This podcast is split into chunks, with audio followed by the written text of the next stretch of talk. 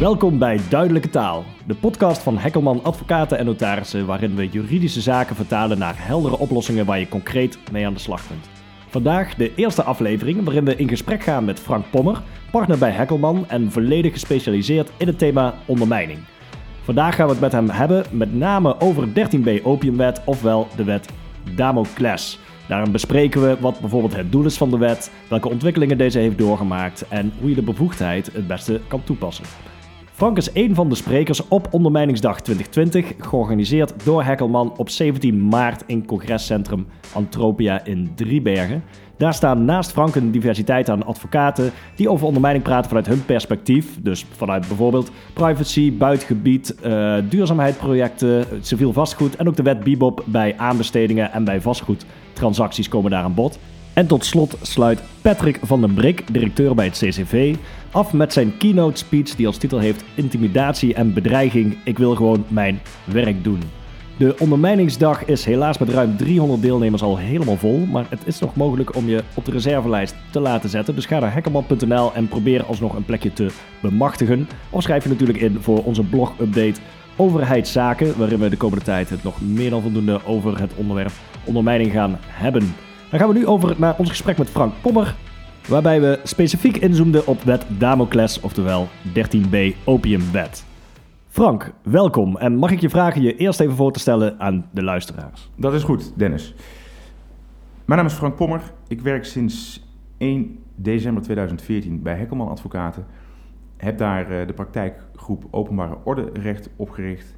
En houd me sindsdien met name bezig met eh, vraagstukken op het gebied van openbare orde CQ ondermijning. Want dat zijn wat mij betreft deels inwisselbare begrippen. Uh, een van de belangrijke onderwerpen daarbij uh, uh, is artikel 13b opiumwet, de wet Damocles ook wel genoemd. Ehm, en die bevoegdheid die heeft in dezelfde periode dat ik eigenlijk startte met die openbare ordepraktijk ook een enorme vlucht gekregen. doordat de toepassing ervan enorm is gegroeid en daarnaast de rechtspraak op dit gebied behoorlijk is ontwikkeld. Oké, dan even beginnen bij het begin. Voor de luisteraars die uh, nog niet helemaal in de materie zitten. Uh, eh, 13b opiumwet, wat is het? Wat was het doel? Voor wie is het geschikt? Uh, wat kun je daarover vertellen? 13b opiumwet is een bevoegdheid van de burgemeester om in het geval er in een pand, dat kan een woning zijn of een lokaal of een daarbij behorend erf, drugs worden aangetroffen. Dat wil zeggen meer dan de toegestane dus dat wil zeggen de gedoogde gebruikshoeveelheid drugs worden aangetroffen om, in dat, pand, uh, om dat pand te sluiten. Um, en uh, daarbij de loop wordt dan oorspronkelijk gedacht uit dat pand te halen of de bekendheid van het pand in een drugscircuit weg te nemen. Over die onderwerpen zal ik in de loop van dit interview nog het nodige zeggen, want dat behoeft de nodige nuance. Maar dat was het oorspronkelijke doel van de wetgever, in ieder geval bij de toepassing van die bevoegdheid. En even voor een leek zoals ik, een lokaal is een café, een coffeeshop, ja, precies. Je hebt een uh, lokaal uh, onderscheid daarbij bestaat tussen niet voor publiek toegankelijke lokalen en voor publiek toegankelijke lokalen. Jij noemt dus juist de voor publiek toegankelijke lokalen. Mm. Niet voor publiek toegankelijke lokalen kunnen bijvoorbeeld ook zijn uh, hotelkamers of kantoorcomplexen. En je zegt wettelijke hoeveelheid softdrugs, harddrugs voor eigen gebruik of voor handel. Hoe zit dat? Wanneer treedt die wet nou echt in werking? De wet treedt in werking wanneer we te maken met een handelshoeveelheid drugs. Dus de gebruikshoeveelheid drugs die is uh, gekwalificeerd door het Openbaar Ministerie als gedoogde hoeveelheid drugs. Mm. Voor uh, softdrugs ligt daarbij de grens op 5 gram. Voor harddrugs ligt die grens op 0,5 gram. Mm. Als je binnen die, uh, bevoegd, binnen die kaders blijft, binnen die hoeveelheden blijft, dan heb je niet te maken met een handelshoeveelheid, is dan de vooronderstelling. Mm. Tenzij er allerlei andere indicatoren zijn die in zo'n pand worden aangetroffen die wel duiden op handel. Maar in principe zijn dat gebruikshoeveelheden die gedoogd zijn. Boven die hoeveelheden wordt een handelshoeveelheid verondersteld. Dus dat is, wordt al betrekkelijk snel aangenomen. Uh, ik zeg daarbij wel dat, maar dan loop ik al wat vooruit op wat we straks gaan bespreken, maar dat mm. bij een geringe overschrijding van die gedoogde hoeveelheden drugs in principe uh, andere indicatoren uh, op handel zullen moeten duiden. Ja, want je gaf al aan, uh, in de loop der jaren is die wet uh, aangepast, veranderd in, in ontwikkeling. Waarschijnlijk die indicatoren die je net noemt, die, die zullen daar invloed op hebben.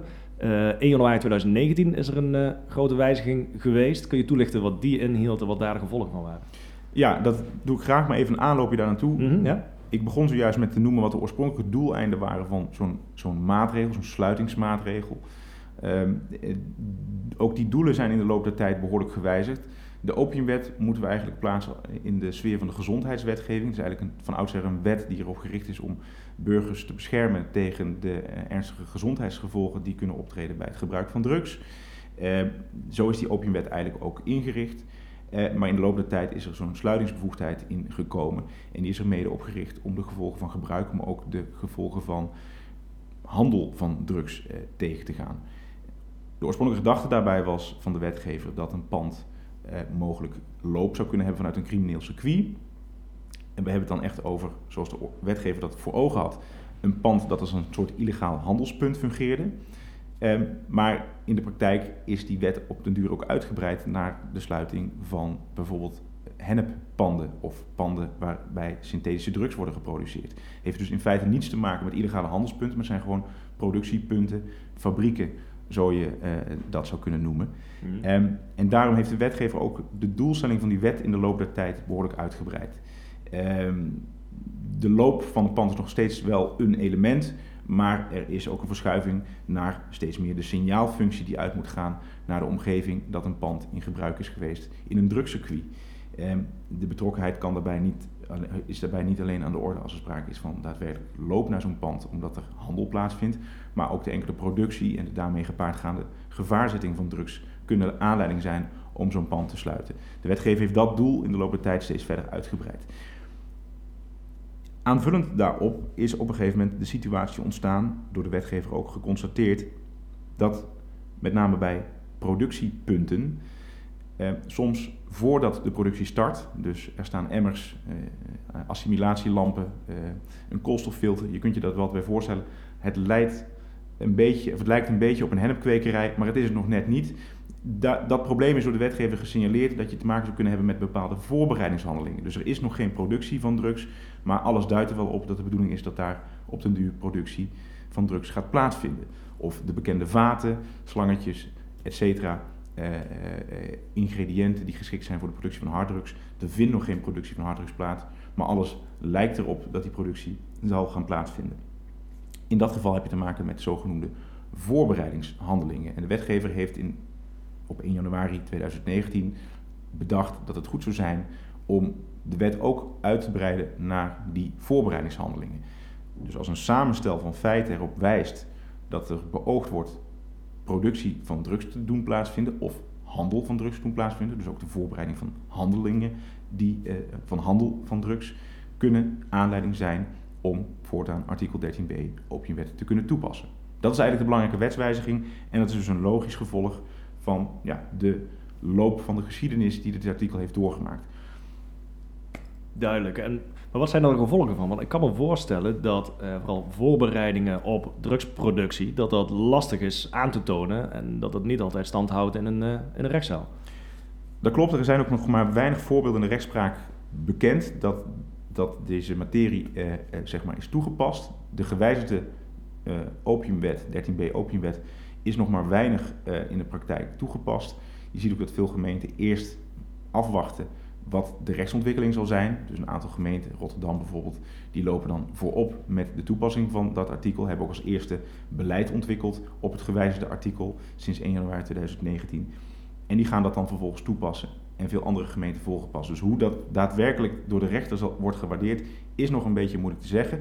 In ieder geval kunnen we uit de wetsgeschiedenis afleiden, die geleid heeft tot de ontwikkeling van dit artikel, dat de bedoeling is dat deskundigen, dus laten we zeggen de politie, met deskundige medewerkers op het gebied van drugs, uit het samenstel van feiten afleiden dat we te maken hebben met een voorbereidingshandeling. Afzonderlijke elementen zoals een vat of een slangetje of een emmer met aarde is niet voldoende, maar de veelheid van feiten die allemaal in verband kunnen worden gebracht met de productie van of handel in drugs, die zullen gezamenlijk moeten aantonen dat we te maken hebben met een voorbereidingshandeling.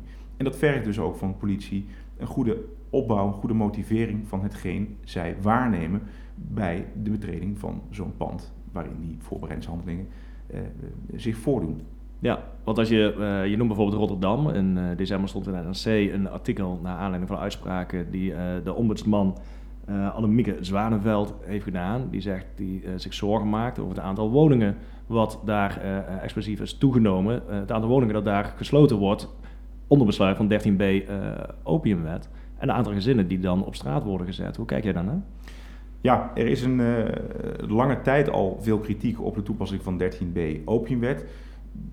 De kritiek die zeg maar, nu uh, wordt geleverd in het kader van het beleid van Rotterdam heeft denk ik niet zozeer te maken met de uitbreiding van de bevoegdheid van artikel 13b opiumwet, maar dat is een meer algemeen beeld wat al in de afgelopen jaren uh, is ontstaan.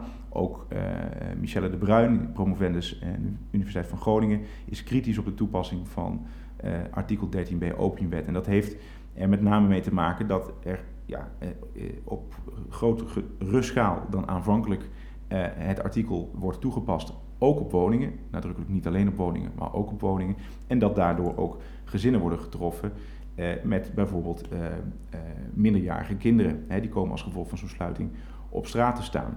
Die kritiek is deels begrijpelijk, want het is natuurlijk een, ja, een, een gevolg van zo'n sluiting. Uh, maar wat we zien is dat uh, een deel van die kritiek uh, lijkt te zijn ingegeven door meer ideologische eh, zeg maar, motieven. omdat ik signaleer dat in de rechtspraak ja, die kritiek ook wel is ehm, gehoord. Want wat we zien in de ontwikkeling van de rechtspraak is dat eigenlijk de afgelopen drie jaar, sinds uh, een bekende uitspraak van 26 oktober 2016 van de Raad van State, eigenlijk van de burgemeester steeds meer wordt gevergd uh, als het gaat om de motivering, zeker als het gaat om woningen, uh, om woningen te sluiten bij de toepassing van artikel 13b opiumwet. Lange tijd, tot die uitspraak van 26 oktober 2016, was eigenlijk de teneur dat het enkel en alleen aantreffen van een handelshoeveelheid drugs voldoende was om een pand te sluiten. Verder kwam er aan uh, uh, bijzondere omstandigheden, zogezegd, weinig betekenis toe bij de toepassing van die bevoegdheid. Ook de rechters waren daar in het algemeen niet erg gevoelig voor. Maar het accent is sinds die uitspraak van 26 oktober 2016 enorm verschoven in de rechtspraak naar de belangenafweging. Want vooropgesteld, artikel 13b opiumwet is een bevoegdheid, geen verplichting. Als er drugs wordt aangetroffen in een pand, moet de burgemeester niet sluiten, hij kan sluiten. En in dat kunnen zit hem uh, een uh, verplichting tot het verrichten van een belangenafweging. En juist in het kader van die belangenafweging is het uh, accent enorm verschoven naar bijvoorbeeld de belangen van de betrokkenen die als gevolg van zo'n sluitingsmaatregel op straat komen te staan. Zeker als er minderjarige kinderen in het spel zijn. En van burgemeesters wordt verlangd dat zij in dat kader maatwerk leveren en steeds meer juist ingaan op de belangen van die, die gezinnen. Dus wat ik, wat ik wel bespeur is dat de kritiek die er geleverd wordt, met name vanuit humaan perspectief, uh, te begrijpen is, maar nadrukkelijk ook zijn inbedding heeft gekregen, via de rechtspraak bij de toepassing van artikel 13b opiumwet. En dat maakt ook, en dat is denk ik ook precies wat we uh, denk ik met elkaar ook moeten willen, uh, dat een burgemeester zich zeer goed moet vergewissen van de betrokken belangen, alvorens hij een maatregel tot sluiting treft. Dat er een toename is van de toepassing van artikel 13b opiumwet is denk ik meer te wijten aan het feit dat er uh, steeds meer duidelijkheid bestaat over hoe dat artikel moet worden toegepast. Um, dan dat er nou uh, uh, gezegd kan worden dat het artikel een zeer eenvoudig toe te passen bevoegdheid is gebleken. Integendeel, het wordt eigenlijk steeds moeilijker om het artikel toe te passen. Je zult althans veel beter moeten onderbouwen waarom je dat in een concreet geval bij een woning doet. En daarbij moet dus extra gelet worden op die omstandigheden die je noemt. Uh, je geeft aan uh, wellicht dat er minderjarige kinderen bij betrokken zijn. Wat zijn de andere omstandigheden uh, die daarbij in overweging genomen moeten worden? Nou, sinds de uitspraak van 26 oktober 2016 was lange tijd niet geheel duidelijk hoe dan die belangenafweging precies moest plaatsvinden en welke belangen daarbij moesten worden betrokken. Maar de afdeling bestuursrechtspraak van de Raad van State heeft ons een belangrijk handje geholpen in een uitspraak van 28 augustus 2019. Uh, daarin heeft de afdeling eigenlijk voor de eerste keer een soort beoordelingskader in de basis, zegt het. Dus in, het is niet een sluitend beoordelingskader, maar in principe een soort basisbeoordelingskader ontwikkeld.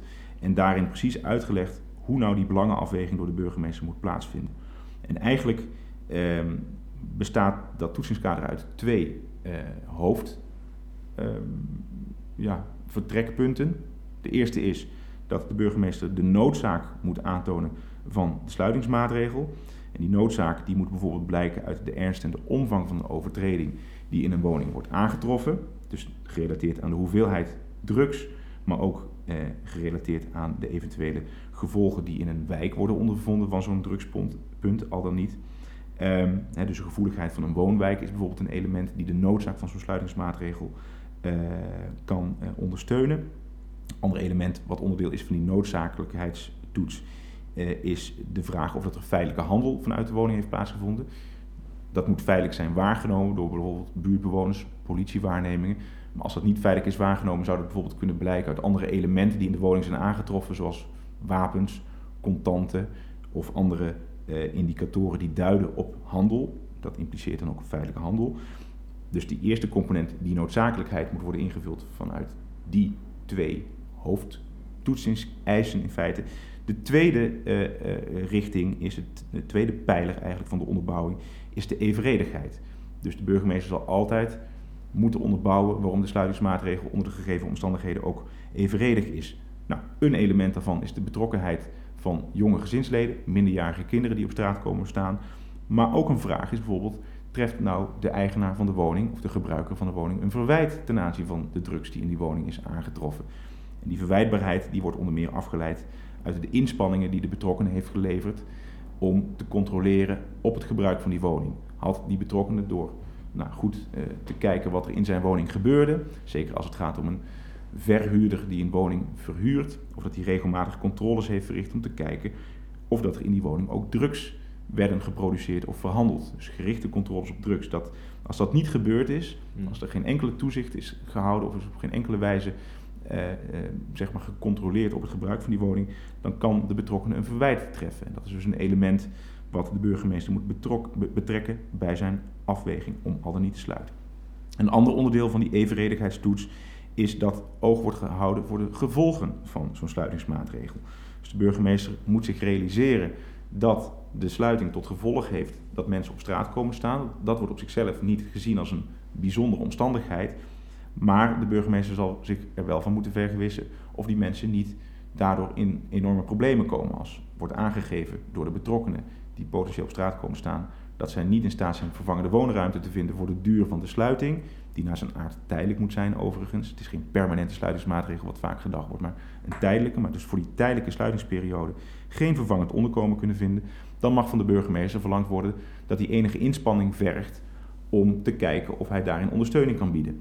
De burgemeester hoeft daarbij dus niet een pasklare gemeubileerde eh, woning aan te bieden, maar die zal wel moeten kijken van kan via een woningcorporatie of desnoods via uh, de daklozenopvang, ook daar zijn voorbeelden van uit de rechtspraak, uh, uh, voorzien worden in een tijdelijk onderkomen voor de mensen die als gevolg van de sluiting op straat komen staan. De aanwezigheid van minderjarige kinderen is een nadrukkelijke onderwerp als onderdeel van die evenredigheidstoets die de burgemeester moet betrekken. Dus er moet gekeken worden, worden hier jonge gezinsleden, minderjarige kinderen door getroffen? Als dat aan de orde is, dan mag van de burgemeester meer inspanning gevergd worden om daar een voorziening voor te treffen.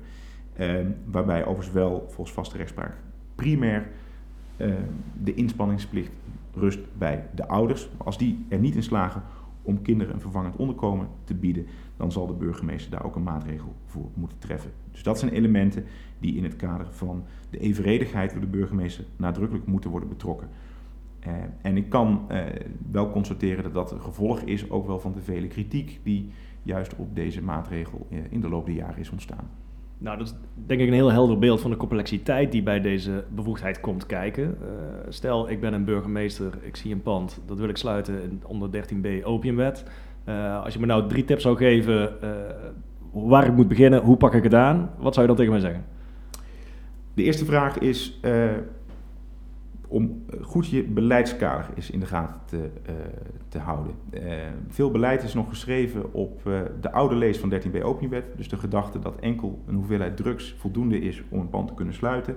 Beleid is vaak achterhaald en beleid gaat je ook tegenwerken. Als je in je beleid hebt geschreven als burgemeester het doel van de sluiting en daarmee de noodzaak van de sluiting is bijvoorbeeld de loop uit het pand te halen, dan zul je zien dat een rechter daarop gaat doorvragen en gaat zeggen, nou ja, uw sluitingsdoel is kennelijk het loop uit, de loop uit het pand te halen. Waaruit blijkt dan dat er sprake is van loop. Dat gaat burgemeesters vaak tegenwerken. De vraag is ook, in het kader van diezelfde tip 1, of dat je überhaupt beleid moet voeren. Ik ben er niet voorstander van om geen beleid te voeren, want het dient in zekere zin de rechtszekerheid en ook de rechtsgelijkheid. Maar in feite hoor je uit de jurisprudentie die ik zojuist, en de eisen uit de jurisprudentie die ik zojuist oplepelde, ehm, dat er maatwerk gevergd wordt. En dan kan beleid je dus enorm in de weg gaan zitten als al een soort vooropgezet kader is bepaald, ja, eh, die bepaalt hoe je je besluit gaat inrichten. Dus de eerste tip is eigenlijk, ga eens kritisch je beleid na en kijk eens of dat het nog wel past bij de lijn die inmiddels in de jurisprudentie is ontwikkeld. De tweede tip is, ga goed met je veiligheidspartners, met name de politie, om de tafel zitten over hoe je nou zo'n ehm, toepassing van die bevoegdheid gaat inkleden. Uh, de politie, uh, maar ook je handhavingsapparaat, vormen de handen en voeten, maar ook de ogen en oren van jou als bestuursorgaan. En die politiefunctionarissen en handhavingsambtenaren zullen goed moeten begrijpen waar ze allemaal op moeten letten. De focus ligt nu, zie ik veelal in bestuurlijke rapportages, die vaak de grondslag vormen voor zo'n besluit, heel erg op de hoeveelheid drugs die wordt aangetroffen, de drugs eh, eh, in omvang, maar ook de andere omstandigheden die gerelateerd kunnen worden aan de productie van drugs. Dus de assimilatielampen, eh, de emmers, de potgrond, eh, het irrigatiesysteem. Daar ligt het accent op, maar het accent ligt nog veel te weinig op eh, de persoonlijke omstandigheden, die dus nadrukkelijk een rol spelen bij de mogelijkheid om die bevoegdheid toe te passen. Dus ook met je handhavingsambtenaren, met je politiefunctionarissen zul je om de tafel moeten om vooraf goed in beeld te hebben welke elementen nu allemaal van belang zijn om een besluit te kunnen nemen, om een afweging te kunnen maken. het moet niet altijd de focus liggen op het daadwerkelijk sluiten van het pand, maar op de belangenafweging. Dus breng ook in kaart, als je ter plaatse bent, en dan redeneer ik even vanuit de politie, breng ook in kaart of dat je ziet dat er iemand hulpbehoevend is, er een traplift is, er jonge kinderen zijn, blijkend uit bijvoorbeeld speelgoed, uh, er sprake is van uh, mogelijke zorg uh, die genoten wordt in het huis. Dat soort omstandigheden moet de burgemeester weten om een goede afweging te kunnen maken of misschien wel waar de bevoegdheid bestaat om het pand te sluiten omdat er drugs is aangetroffen, maar ook de vraag of die bevoegdheid onder de gegeven omstandigheden ook moet toepassen. Dus dat is de tweede tip. De derde tip is dat je de betrokkenen in de voorbereiding van je besluit ook de kans geeft om zijn belangen op tafel te leggen. Je kunt zelf tot op zekere hoogte onderzoek doen naar uh, wat je feitelijk aantreft in een woning, maar de betrokkenen zelf, die moet je ook zeker horen voordat je een besluit neemt. Wettelijk bestaat die verplichting op zichzelf al, maar ik merk dat veel burgemeesters dat zien als een vervelende hobbel die genomen moet worden, die alleen maar vertragend werkt. Eh, terwijl het juist heel nuttig is om een voornemen kenbaar te maken, om de betrokkenen in de gelegenheid te stellen, om ook nog eens aan te geven welke belangen wat hem betreft van belang zijn en die de burgemeester wat hem betreft zou moeten kennen om een goed afgewogen besluit te kunnen nemen. Door juist die mogelijkheid te bieden, kun je een betere belangenafweging verrichten en kun je dus ook beter beoordelen of een sluiting onder de gegeven omstandigheden ook echt evenredig is. Helder. En ik zou zeggen bonus tip 4, bij twijfel bel Frank Bonger. Dat zou natuurlijk altijd een mooie optie zijn. Ja, zeker. Nou, duidelijk. Frank, mag je hartelijk danken uh, voor jouw tijd. En uh, je hebt vooraf al aangegeven, als mensen uh, inhoudelijke vragen hebben... en vooral als ze met casussen zitten waarvan ze zeggen... we zitten met de handen in het haar... dan zijn zij in de gelegenheid om vrijblijvend contact met jou op te nemen. Uh, dat kan uiteraard via de website. Alle luisteraars uh, uh, die zeggen: Ik wil hier meer over horen, zou ik ook willen vragen om onze website in de gaten te houden. En dan met name ons onderdeel overheidszaken, waar je ook voor in kan schrijven. Want in het kader van de Ondermijningsdag 2020 gaan we nog heel veel artikelen en interessante content delen daarover. Dus schrijf je vooral in. Dan ben je ook als eerste op de hoogte wanneer we een opvolg-event van de Ondermijningsdag gaan organiseren. Zodat je misschien dit keer een kaartje hebt voordat het is uitverkocht. Frank, dankjewel. Graag gedaan. Dankjewel voor het luisteren en tot de volgende aflevering van Duidelijke Taal.